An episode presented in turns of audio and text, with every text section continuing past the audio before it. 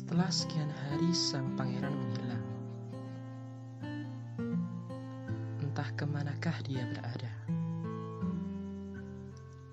Sang bintang tak kunjung ngasih kabar.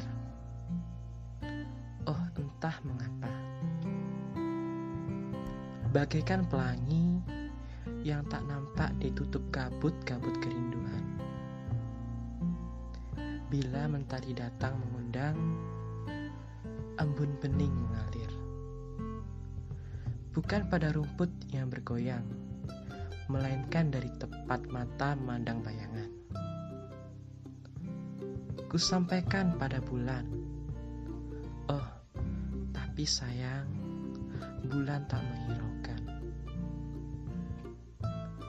Wahai kau yang di sana, dapatkah kau mendengar?